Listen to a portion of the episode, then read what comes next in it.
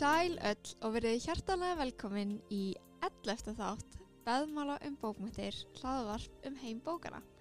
Katla Ásalsdóttir heiti ég og er þáttarstjórnandi þessa hlaðvarps en það ætti ekki að koma hlustundum á óvart að mér við hlið situr engin önnur en Vala Fanney. Hæ! Fyrsti þáttur á nýju ári. Good to be back. Já. Þetta er, já, Sammála. spennandi nýtt ár Já. að hefjast. Hvernig leggst það í þig? Um, það leggst bara vel í mig, sko, Já. svona almennt. Ég er Já. bara jákvæð. Já. Ég veit ekki alveg hvað ég er að fara að gera á árinu, Mm. en ég er samt að reyna að minna sjálfum á, þú veist, það eru ennþá bara, þú veist, tvær vikur af Já. janúar búkar og það sé allt í læg, skilur Það er ennþá bara januar. Já. Það er fyllt eftir. Um mitt, hvernig liður þér?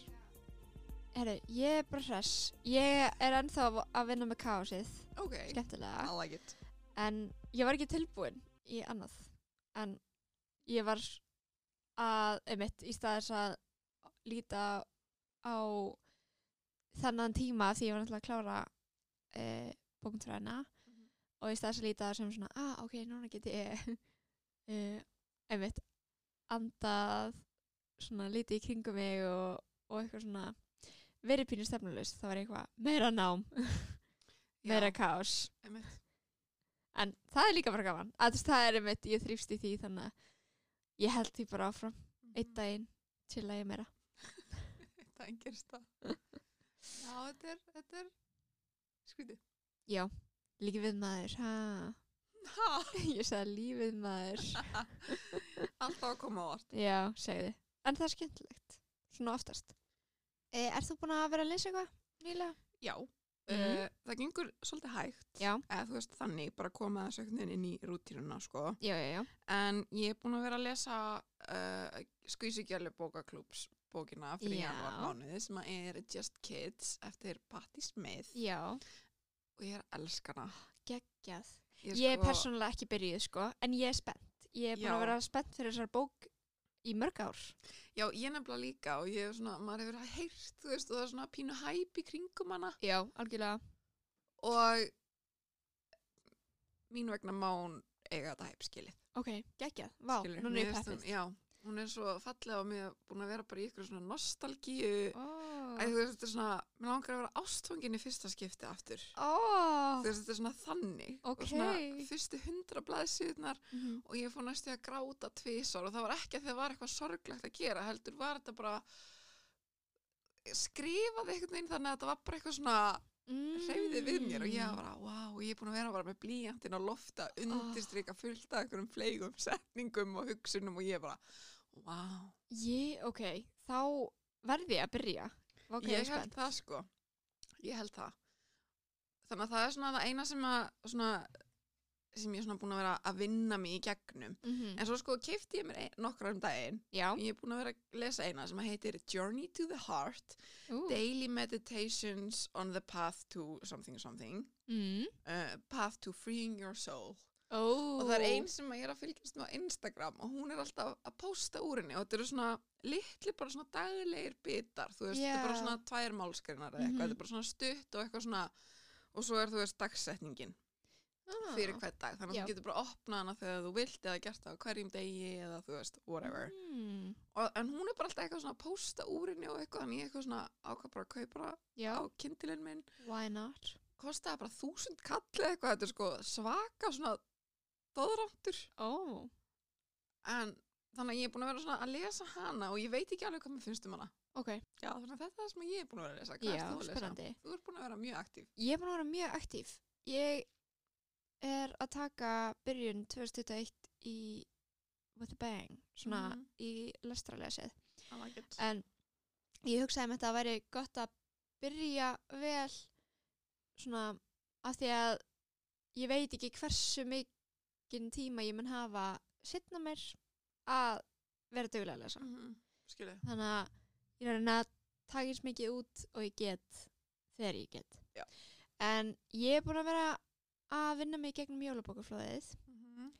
Uh, ég las Aprilsólar kulda eftir hana Elisabethu mína og svo las ég, er ég að lesa núna Dauði skóar eftir Jónas Reyni og las ljóðbókina Sónur Gravarans eftir Brynjólf Þorstensson og svo er ég búin að vera að lesa ég hvað sannal eftir Lagsnes og Ó. mm, ég var að vera dögleg sko. Og svo las ég já, bara að gera hjá mér. Alltaf mikið gera. En svo las ég hérna við erum ekki morðingjar eftir Dag Hjartarsson sem var í jólabókaflóðinu í fyrra. Eða þú veist, Mm. 2019 e, þannig hitt fyrra. Mhm.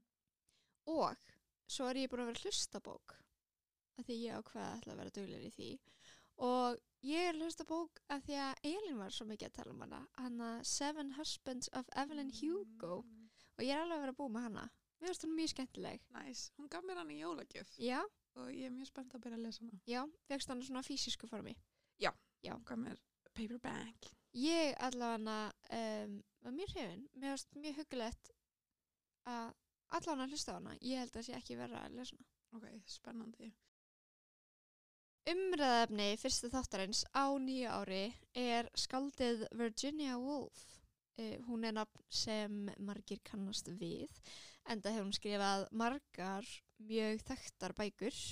Uh, en með þessum þætti það langa með að gera svona nokkuð skoðan yfirlit um hana og svona það sem ég hef lesað eftir hana og svona hennar frægstu verk. En veist, það væri alveg hægt að gera seríu bara um hana og verkin hennar. En ef þið, hlustendur, vilja að við tökum eitthvað sérstætt verk fyrir eftirvirkjunni eða förum eitthvað dýbra í umfyllarefnið, megiði endilega láta okkur vita um, og senda okkur skilaboð á Instagram beðmálum bókmyndir.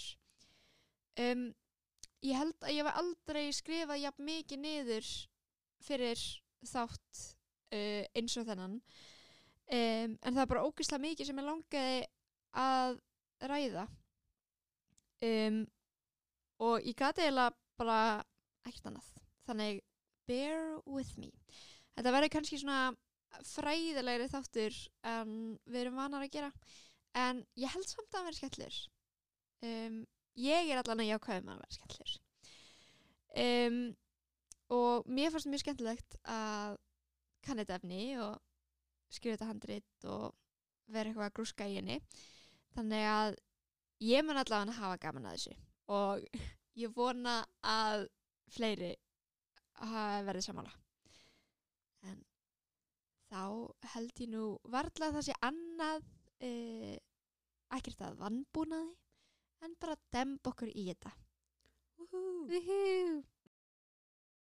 um, Mér langar svona að byrja á að renna stuttlega yfir æfiskeið Virginíu þannig að til að byrja með verður kannski svolítið um ártöl og þess áttar þannig að þetta breytist í sögupodcast svona næstu mínútunar um, en svona fyrir mitt leiti finnst mér bæði gaglegt og mjög skemmtilegt að fá svona smjörþöf af lífi skalda og svona hvernig reynsla þeirra hefur kannski móta skrifið þeirra og svona.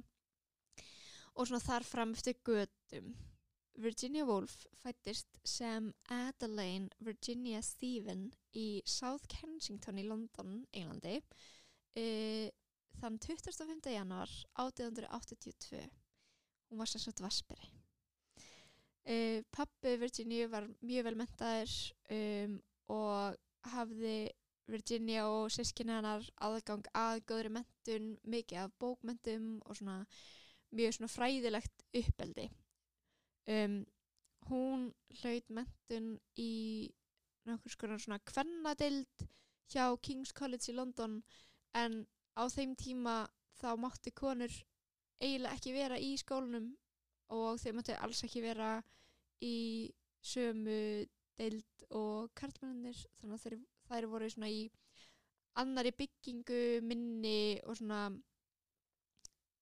að ykkur sem er já, bara svona, þú veist svona svolítið svona B svona plan B, eða svona, já.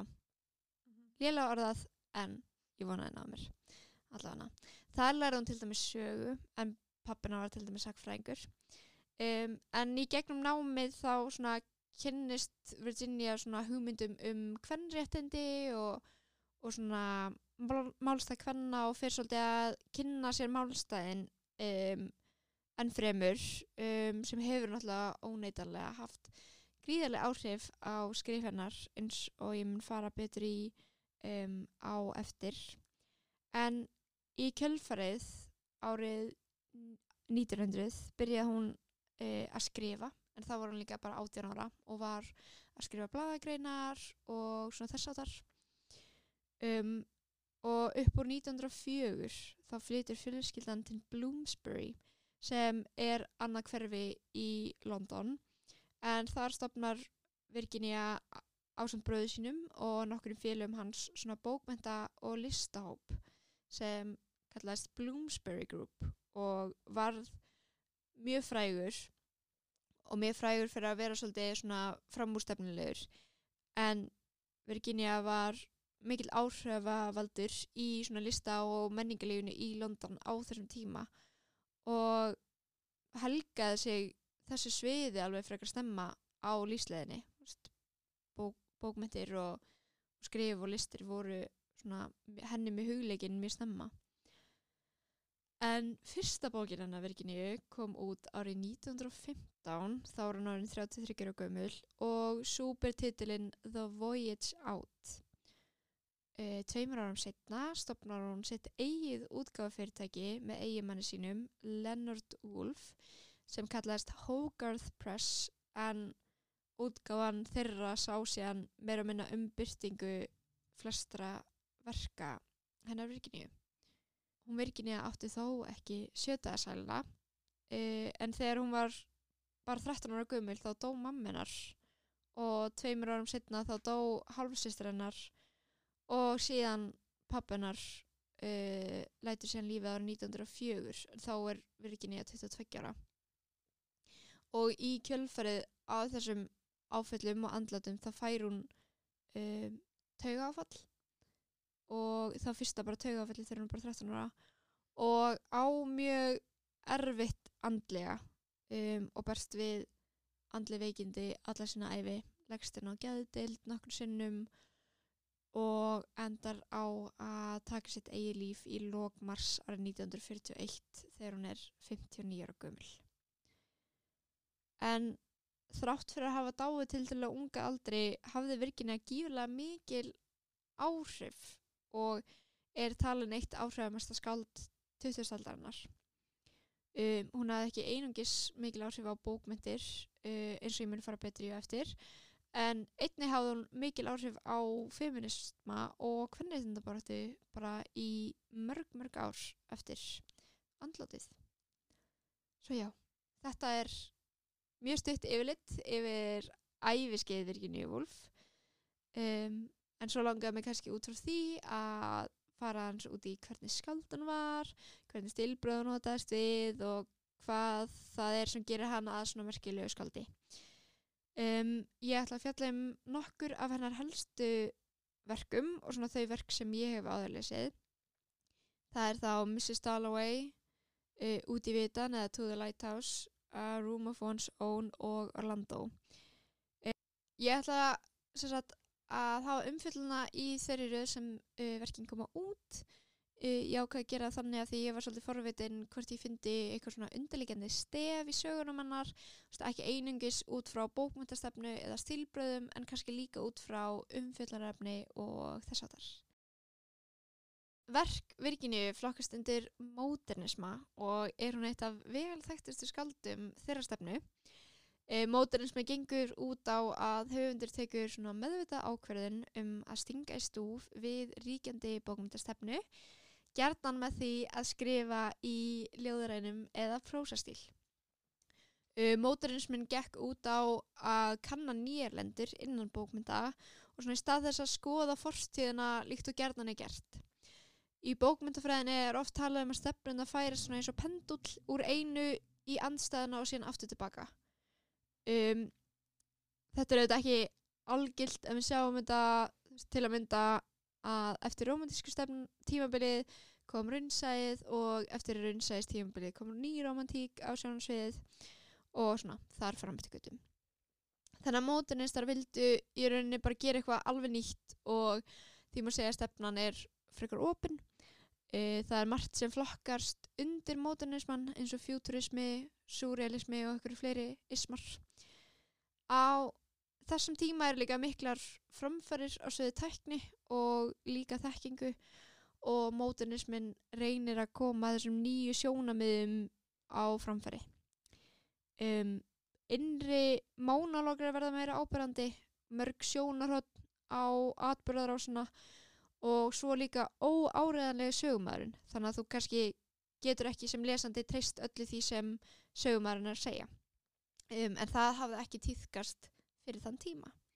Fyrir heimstyröldin hafði líka mikil áhrif á stefnuna og sögur fór þar alveg að vera svona kaldreifjari og kannski meira í taktu nýjan veruleika þar sem mikið er um stríð og þess áttar um, þetta dæmi er til dæmis mjög greinilegt í frægasta ljóðu T.S. Eliot um, sem heitir The Wasteland þó svo ég myndi ekki endilega flokka Eliot sem móternista en það er svo sem önnur umræða um, samsagt, um, móternismin fyrir út fyrir normið og höfundar voru ekki endilega að skrifa til höfða til fjöldans sem var líka svolítið um, ólíkt því sem uh, hefði sérst áður Þetta er rosalega gróft yfirleitt og það er örgulega margt sem ég er ekki snerta á sem tengis mótanismannum en ég vona að ég sé að gera svo allavega einhver góð skil án þess að hljóma eins og ég sé að vera með gett þurran fyrirlustur.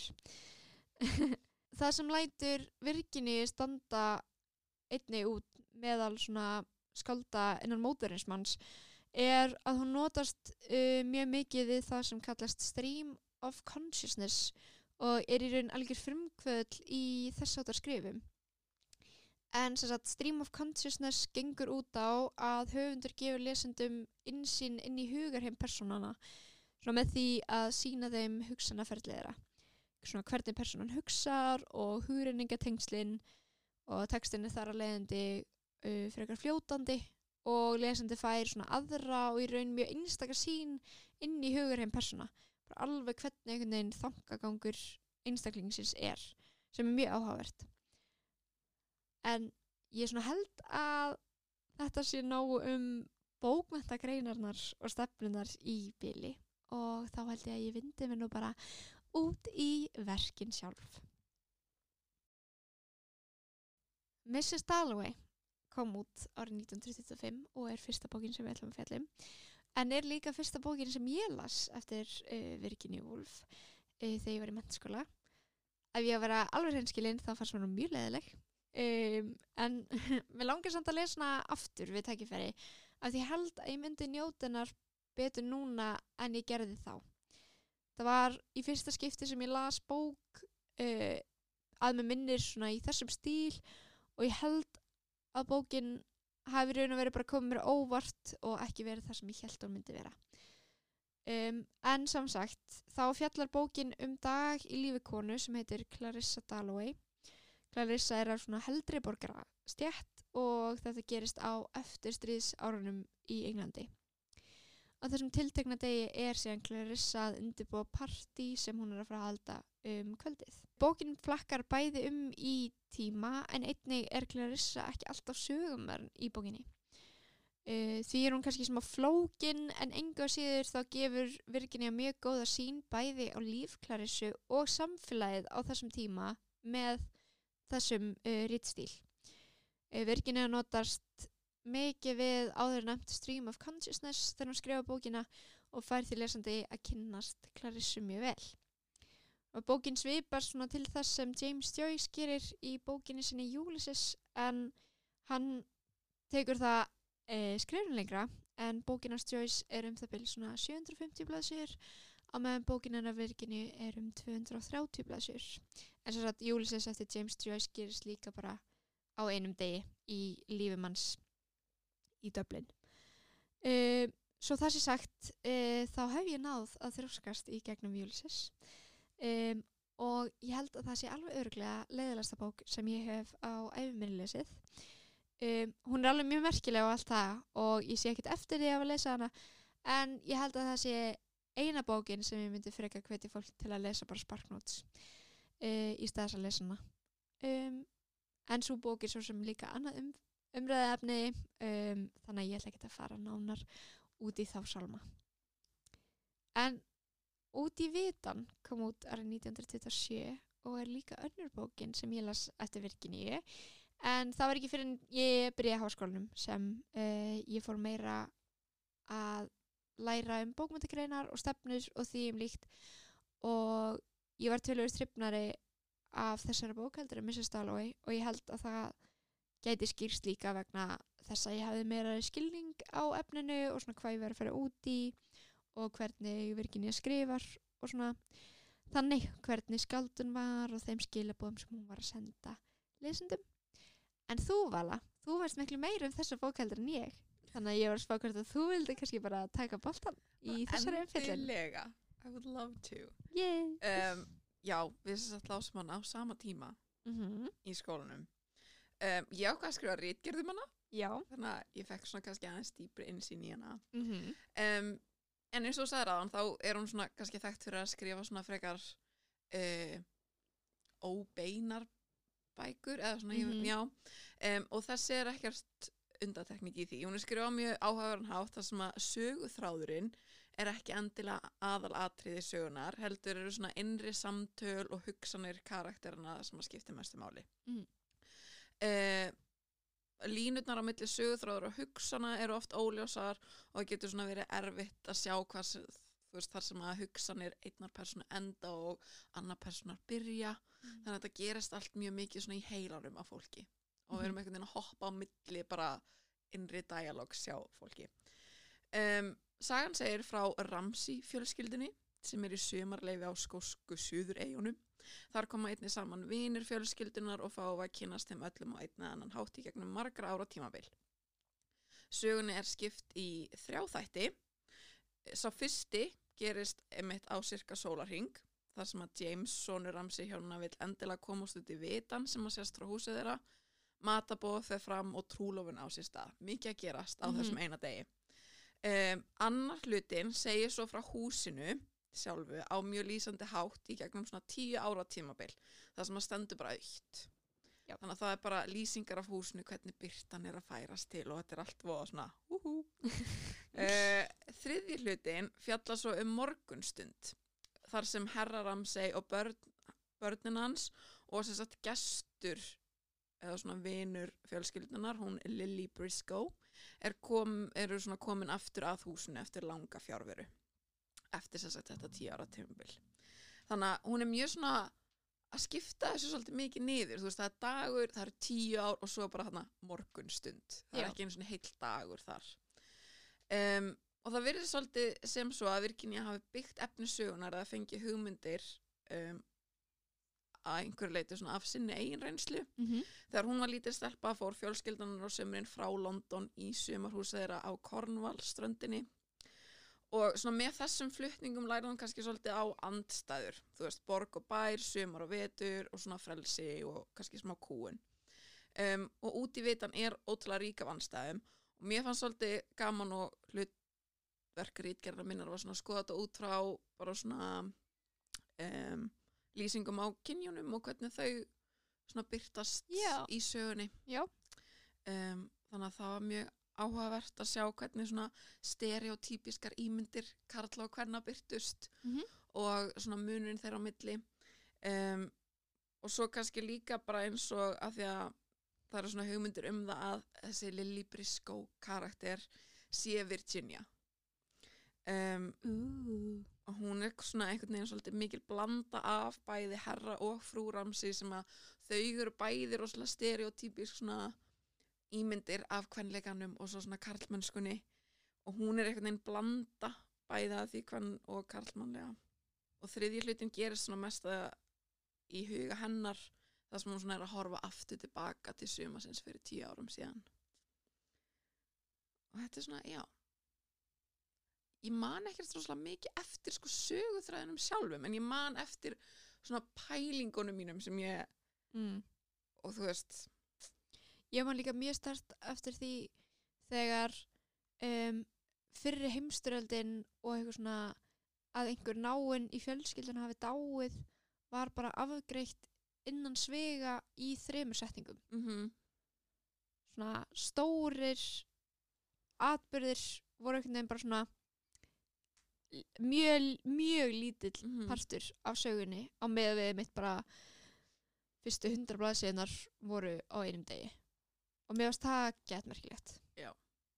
Mér finnst það svo merkilegt að fólk getur um eitt svona, svona einbeitt sér að svona smáatriðunum. Já, eða svona einmitt afmarka sig einhvern veginn við ákveðin tíma eða eitthvað slíkt. Einmitt. Ég held að maður þurfi bæði að vera mjög agaður í skrifum sinum og ég held að maður þurfi líka að vera búin að pæla ótrúlega vel í því sem þarf að koma fram. Mm -hmm. Af hverju skiptir þetta svo miklu máli og af hverju segir þessi persóna þetta? Og af hverju þetta þangagangur hennar? Sem er mjög merkilegt. Af því að ég held að ef ég færi að skrifa bók eða sögu eða eitthvað þá myndi ég örgulega vera svolítið og myndi þetta örgulega endur svolítið svona eins og þegar maður að skrifa stíl í grunnskóla og er kannski að segja frá helginni sinni eða eitthvað. Mannstu ekki eftir þessu þú veist það varst svona fyrsta tilfjörðabekka eða eitthvað. Mhm. og það var allt svona uh, ég fór að leika við þannan það var gaman, síðan fór ég að Mhm. lalalala, eitthvað svona ekkert fara inn en að dítilega neitt. Já. ég held að það var svolítið þannig hjá mér. Ah, ég og síðan fór hann þangað og það var leiðilegt af því að blæti blæ eitthvað. Já, en veist, þetta er auðvitað bara eitthvað svona sem hún hefur tilengað sér sem er mjög áhugavert. Svo kom Orlando út árið 1928 en ég ætla að viðkynna það hér og nú að ég er ekki búin að klára þessa bók.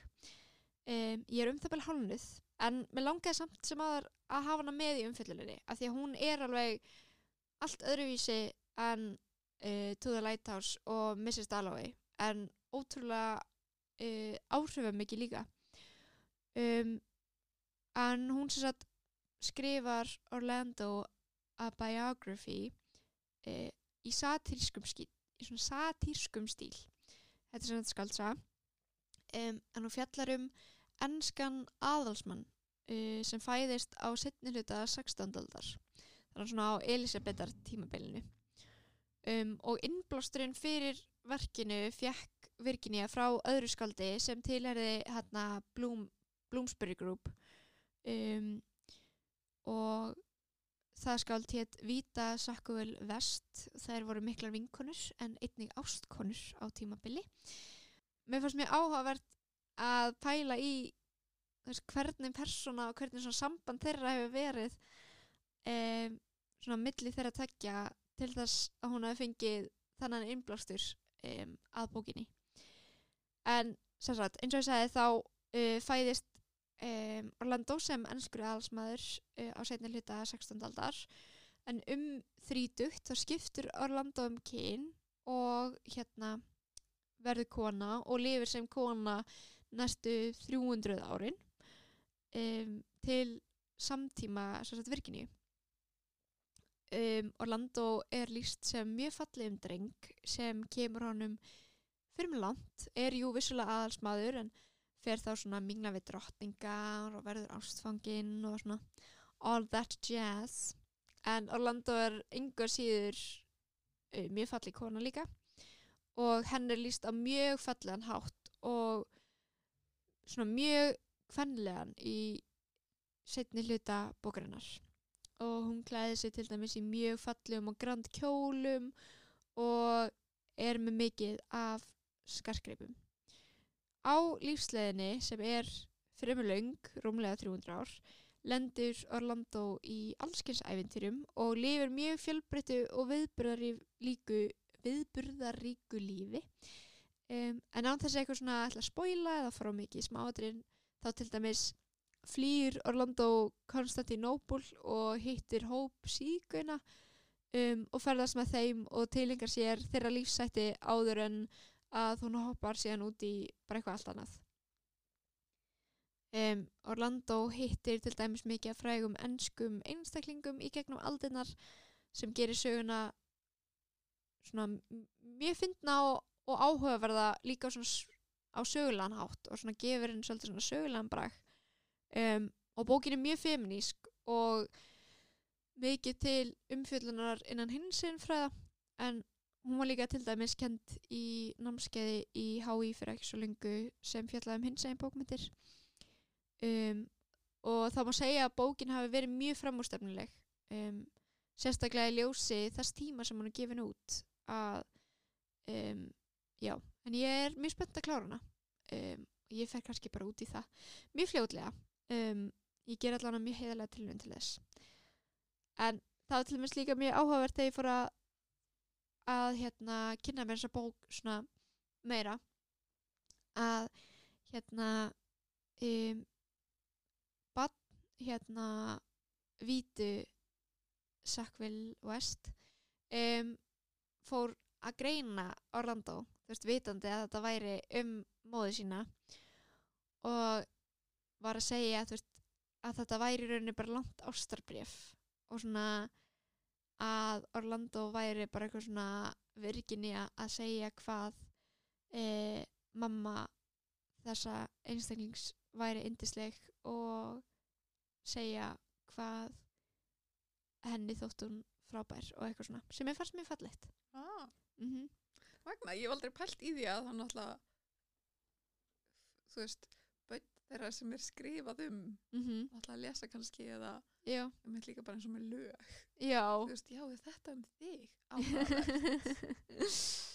Já, skemmtilegt. En fallegt samt að, að viðkomandi hafi þess að sína á eða þú veist, að hafi upplifað verkið svona. Já, mér finnst það mjög fallegt. Af því að líka, af því að Orlando er ekki þú veist, þetta er ekki neikvæð persóna, þú veist, hún er í svona Mm. mjög skemmtilegu ljósi og svona mjög svona grand og lifir mjög grand og svona órætt við einhvern veginn að gera alls konar og flýtur einhvern veginn bara með því sem er í gangi í heiminum sem er náttúrulega ótrúlega mikið mm -hmm. á svona lengum tíma þannig að mér finnst það mjög skemmtilegt ég hafði mig gaman að henni, ég veit ekki af hverju ég ég bara datt úr henni á einhverju tímapunkti en ég er mjög spennt að klára að lesa Mhm.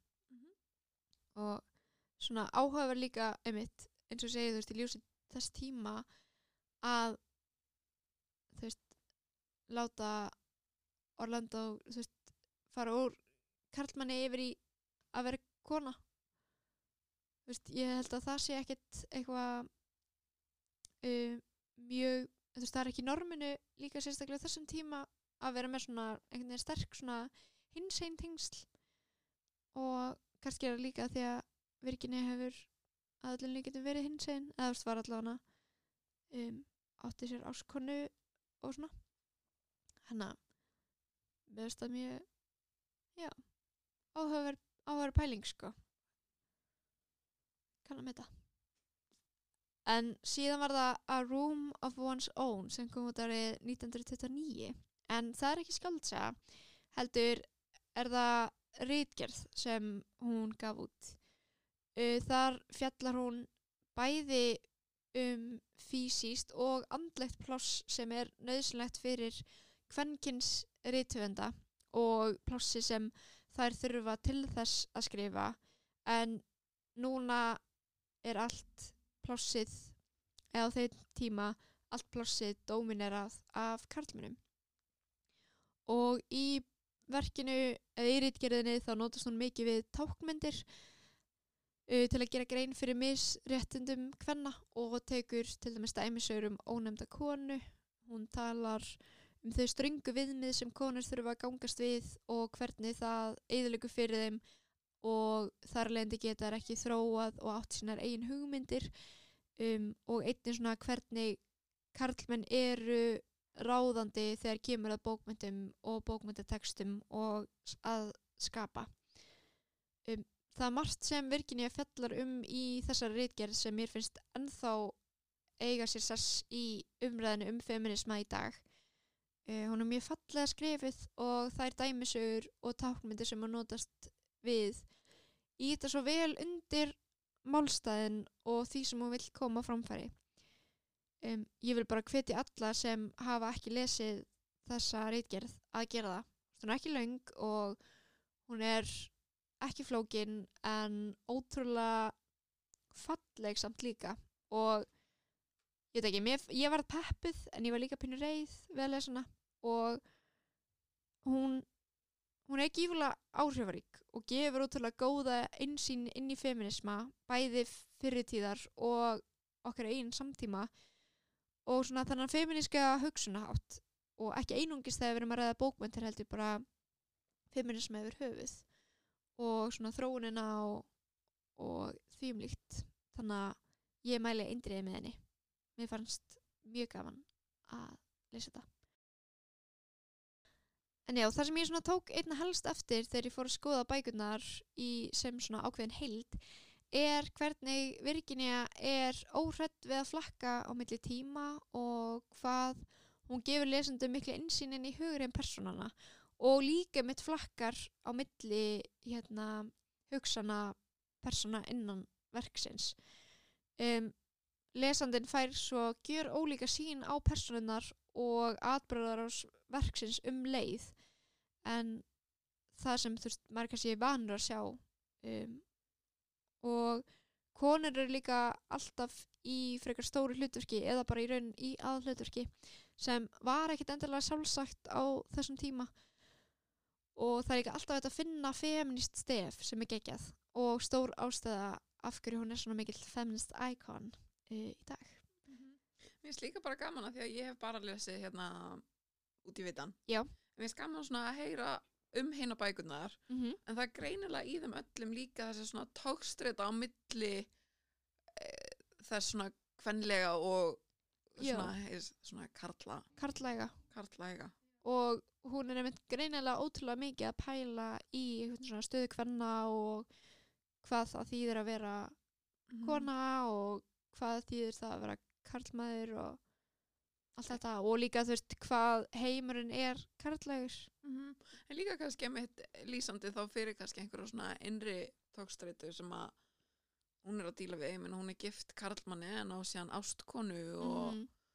og ég meina á þessum tíma er það kannski svolítið frowned upon já, þú veist að það sé ekki þú veist þannig að kannski er hún alltaf einhvern veginn að skrifa sig reyna að skrifa sig í gegnum og reyna að komast að einhverju nýðustöðu um þú veist hvað má og hvað má ekki Já. eða, þú veist, algjörlega. Ég veit það ekki. Já, mér finnst þetta mjög góða punktur já, þannig að það sem ég hef að segja bara what a woman. Mm. What a woman. En ég vona allavega að þetta hafi ekki verið eitthvað svona of langt og þurft og að ykkur hlustundum hafi fundist þetta skemmtilegt e, í það minnsta fræðandi Mér finnst þetta allavega mjög skemmtilegt og mér finnst gaman að fara svolítið ofan í saumana á Virginíu þótt að það hafi ekkert verið djúft en mér finnst svolítið gaman að skoða hana þess betur og verkin hennar út frá einhver svona bókmyndafræðigreiningu og svona þýtóti um, Ertu sammála vala? Já. Mér finnst líka gaman að heyra hérna, þitt sjónar hátna á To the Lighthouse og svona Ég er líka spennt að að þú fáur að, að þegar þú ert búin að lesa eitthvað að, að við ræðum eitthvað að það er svona hver þín hver þitt sjónar hátna er til dæmis á uh, Orlando eða eitthvað. einmitt, já, ég er svolítið spennt fyrir Orlando mér finnst hún hljóma skemmtileg. Já. og Já. eitthvað líka þessi rítgerð hana Já, ég, ég ána til ef þú vilt fara að lána. Þú seldi mér ekki alveg Mrs. Dalloway. Nei, en ég er samt opinn fyrir henni, skilur nei, ég held að ég hef ekki selt neinum hana af því ég líka byrjaði að segja að mér hafi ekki fyndist það skemmtileg en ég held að það hefði bara verið að því ég var í mennskóla að lesa svona að því ég, mér fannst ég þurfa að gera það og var eitthvað eh, mér langar ekki að lesa þetta, af hverju valdi ég þessa bók? Eh, eitthvað. Var not appreciative. En ég ætla að gefa henni annan séns. Ég er mjög jákvæð fyrir henni. Frábært. So you should be too. Mhm.